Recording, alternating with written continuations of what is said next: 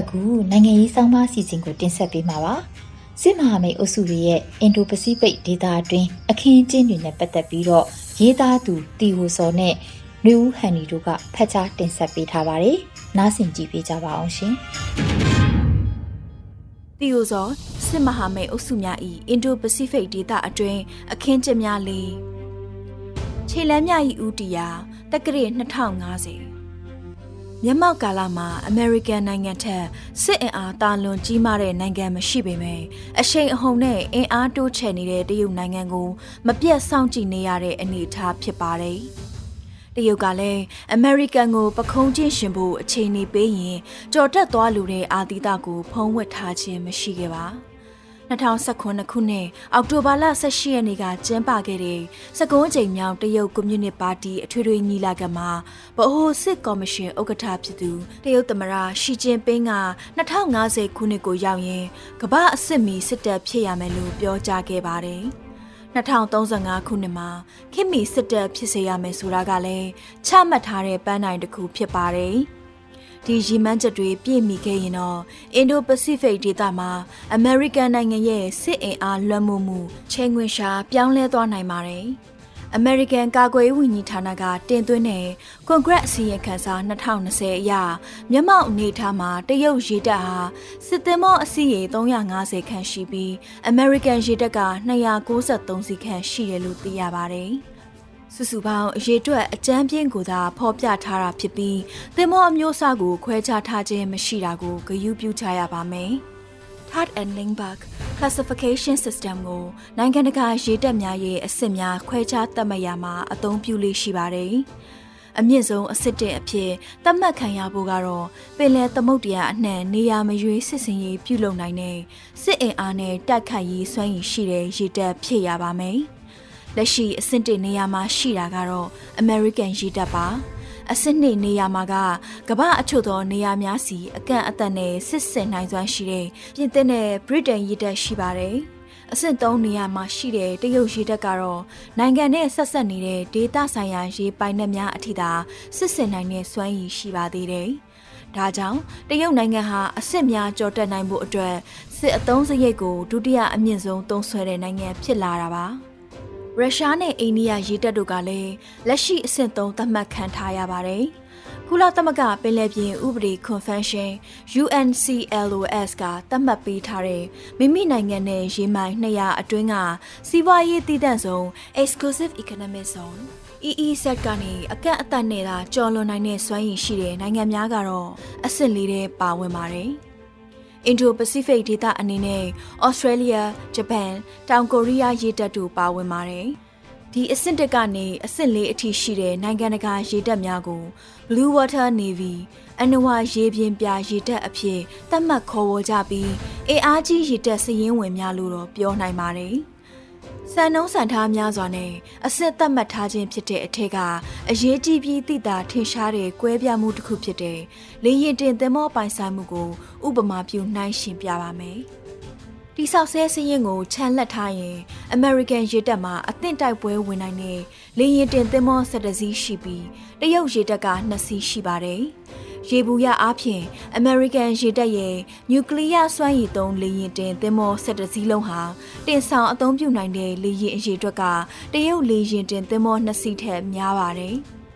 ဒီနှစ်စီးအနံ2012ခုနှစ်မှာစတင်အသုံးပြုခဲ့တဲ့လေယာဉ်တင်သင်္ဘောလျောက်နင်းဟာဆိုဗီယက်ယူနီယံလက်ထက်ကစတင်တည်ဆောက်ခဲ့ပြီးဆိုဗီယက်ပြိုကွဲသွားပြီးတဲ့နောက်အပီးမတတ်နိုင်တဲ့ Variac သင်္ဘောကိုတရုတ်နိုင်ငံက1998မှာဝယ်ယူခဲ့ပြီးလေယာဉ်တင်သင်္ဘောအဖြစ်ပြန်လည်အစစ်မြင့်တည်ဆောက်ထားခြင်းဖြစ်ပါတယ်။ ဒုတိယမြောက်လေရင်တင်သင်္ဘောရှန်တုံးဟာမကြသေးမီကပြုလုပ်တဲ့တောင်တရုတ်ပင်လယ်စစ်ရေးလေ့ကျင့်မှုမှာပထမဆုံးပါဝင်ခဲ့ပြီး2019ခုနှစ်ဒီဇင်ဘာလကမှတရားဝင်စတင်အသုံးပြုခဲ့တာပါဒီနှစ်စီးလုံးဟာနျူကလ িয়ার စွမ်းအင်သုံးသင်္ဘောများမဟုတ်ကြပါအင်ဒိုပစိဖိတ်ဒေသ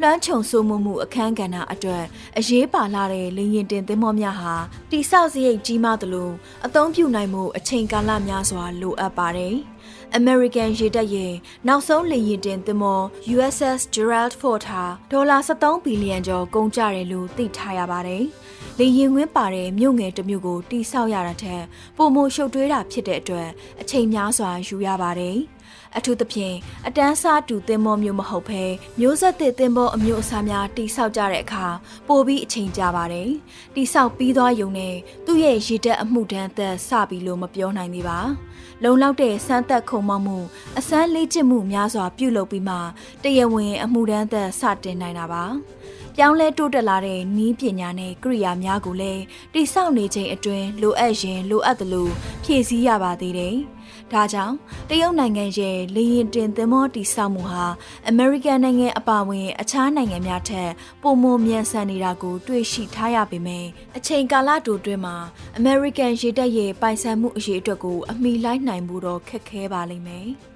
တကယ်လို့များတရုတ်နိုင်ငံကဒီနှစ်အတွင်းစမ်းသပ်ပစ်လွတ်လိုက်တဲ့လက်နက်အသစ်ဟာခံမှန်းနေကြသလိုအတန်ထက်မြန်ဆန်တဲ့ဒုံးကျည်ဖြစ်နေရင်တော့ဒုံးခွင်းနှုံးစနစ်အသစ်တီထွင်တက်ဆင်နိုင်မှသာလက်ရှိလေရင်တင်သင်္ဘောများရဲ့အန္တရာယ်လျှော့နှဲစေနိုင်ပါလိမ့်မယ်။ တရုတ်နိုင်ငံက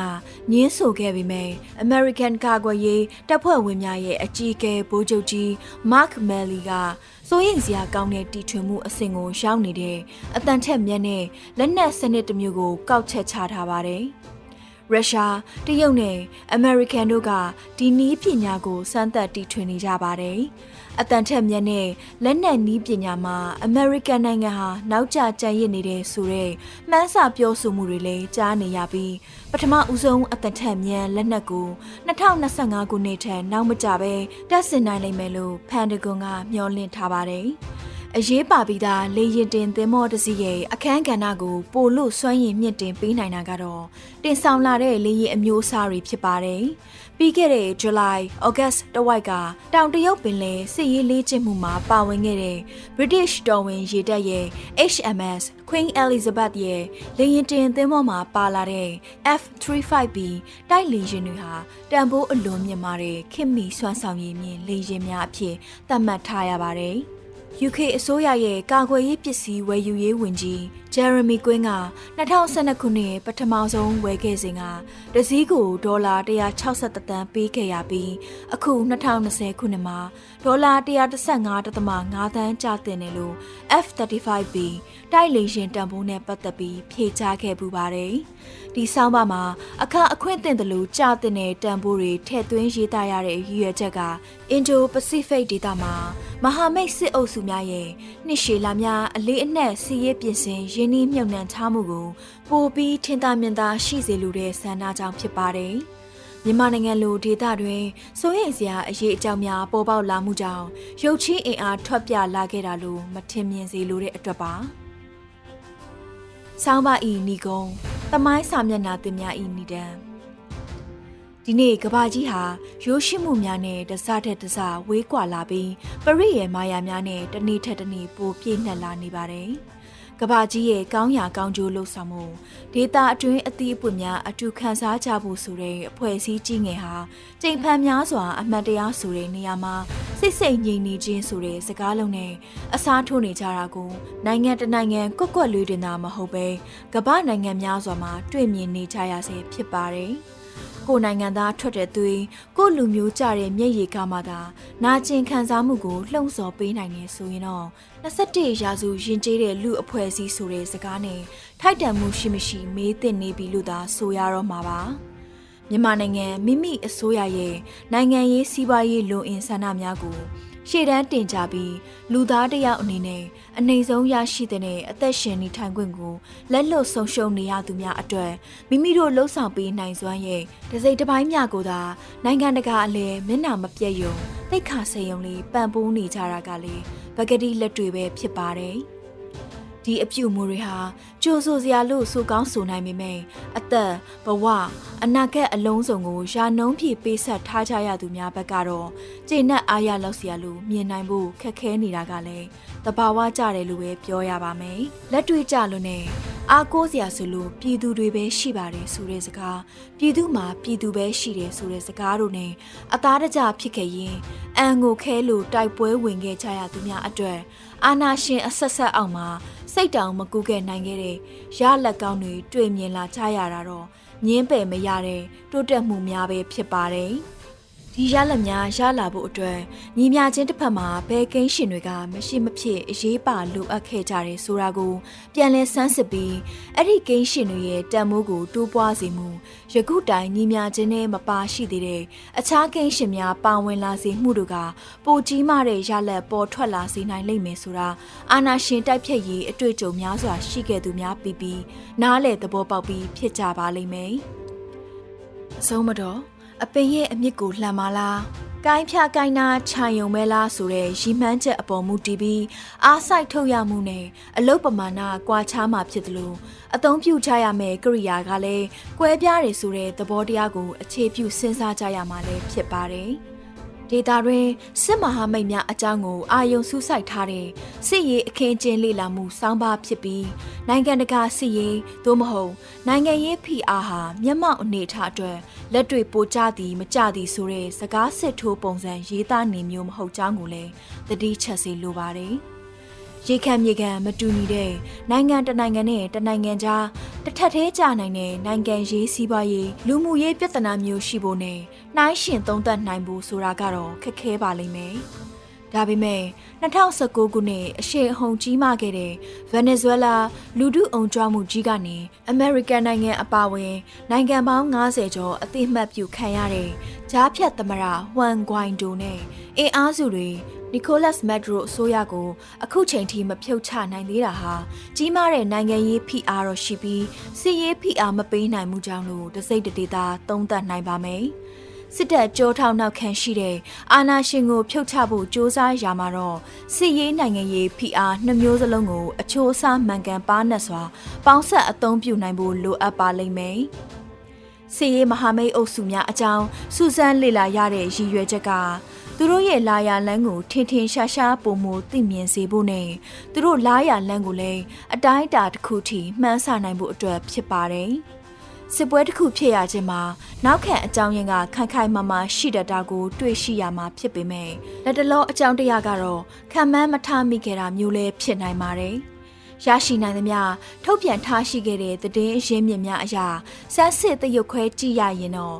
ဒီအင်ဒိုပစိဖိတ်ဒေသအတွင်းကစစ်မဟာမိတ်အဖွဲ့များဟာရည်ရွယ်ချက်သီးသန့်ထားရှိပြီးထိုရည်ရွယ်ချက်များအတွက်အဓိကဦးတည်လှုပ်ရှားနေတဲ့အဖွဲ့များသာဖြစ်လို့မြမအရေးနဲ့ပတ်သက်ရင်စောက်ဖြစ်မှအကြောင်းတကာလိုပဲပြောရပါလိမ့်မယ်။ဒါဟာချွင်းချက်မရှိဆိုပြီးကောက်ချက်ချနိုင်တဲ့အရာတော့မဟုတ်။ သတင်းထုတ်ပြန်မှုမရှိခဲ့ပဲဒီမဟာမိတ်အဖွဲ့များရဲ့အစိုးရများအေဂျင်စီများကမြမအရေးအတွက်စစ်ဗျူဟာအမြင်အခြေခံတဲ့ချင်းကပ်တွေ့ဆုံဆွေးနွေးမှုများကိုသူတို့အတွင်းစည်းထဲမှာတော့၎င်းမြမပြည်သူများကိုကိုစားပြုလှုပ်ရှားနေတဲ့အဖွဲ့အစည်းများနေတော့၎င်းထိတ်တန်းလျှို့ဝှက်အစစ်လမ်းကြောင်းနဲ့ချင်းကပ်ထားခြင်းရှိမရှိမသိနိုင်တဲ့အတွက်ဖြစ်ပါတယ်။ ရှိခဲ့တယ်ဆိုရင်တော့ဓာတ်ရိုက်ဆွတ်ဖက်မှုပေးမလာခဲ့ရင်တော့မှသူတို့ရဲ့အေဂျင်စီများမှတဆင့်တွယ်ဝိုက်ပံ့ပိုးမှုများလှုပ်လာနိုင်ဖို့အလားအလာရှိတယ်လို့မှန်းဆရပါမယ်။မရှိခဲ့သေးဘူးလို့အတီးပြုတ်ခဲ့နိုင်ရင်တော့ဒီမဟာမိတ်အဖွဲ့များဟာ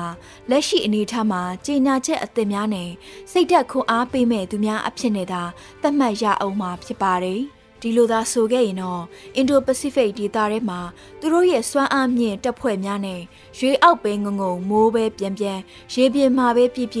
သူတို့အလုပ်သူတို့လုပ်နေကြတယ်လို့သာသဘောထားပြီးကိုယ့်ဘက်ကဝေဝါးမှုမရှိပဲကိုလုံးရမယ့်အလုပ်ကိုသာအာယုံစူးစိုက်ခါညီညီညွတ်ညွတ်နဲ့ဆက်လက်လုပ်ကင်နေကြရပါမယ်ပုတ်ချတဲ့လက်များအစားစုပ်ကြတဲ့လက်များဖြစ်လာအောင်အတက်နိုင်ဆုံးကြိုးစားရင်းမင်းလောင်းမျော်လေးရှိတဲ့အတိတ်စာမျက်နှာဟောင်းကို ပြန်လှည့်မကြည့်စတဲ့ခြံထားရစ်နိုင်ကြတဲ့နောက်မှာဂုံတိတ်ခါပြေးသွားတဲ့တမိုင်းစာမျက်နှာတစ်ကိုကိုအားကိုကိုမော်ကွန်းရေးထိုးနိုင်တဲ့နေမုတ်ချရောက်ရှိလာမှာဖြစ်ပါတယ်ဆိုတဲ့အကြောင်းတင်ဆက်ပေးလိုက်ရပါတယ်ရှင်။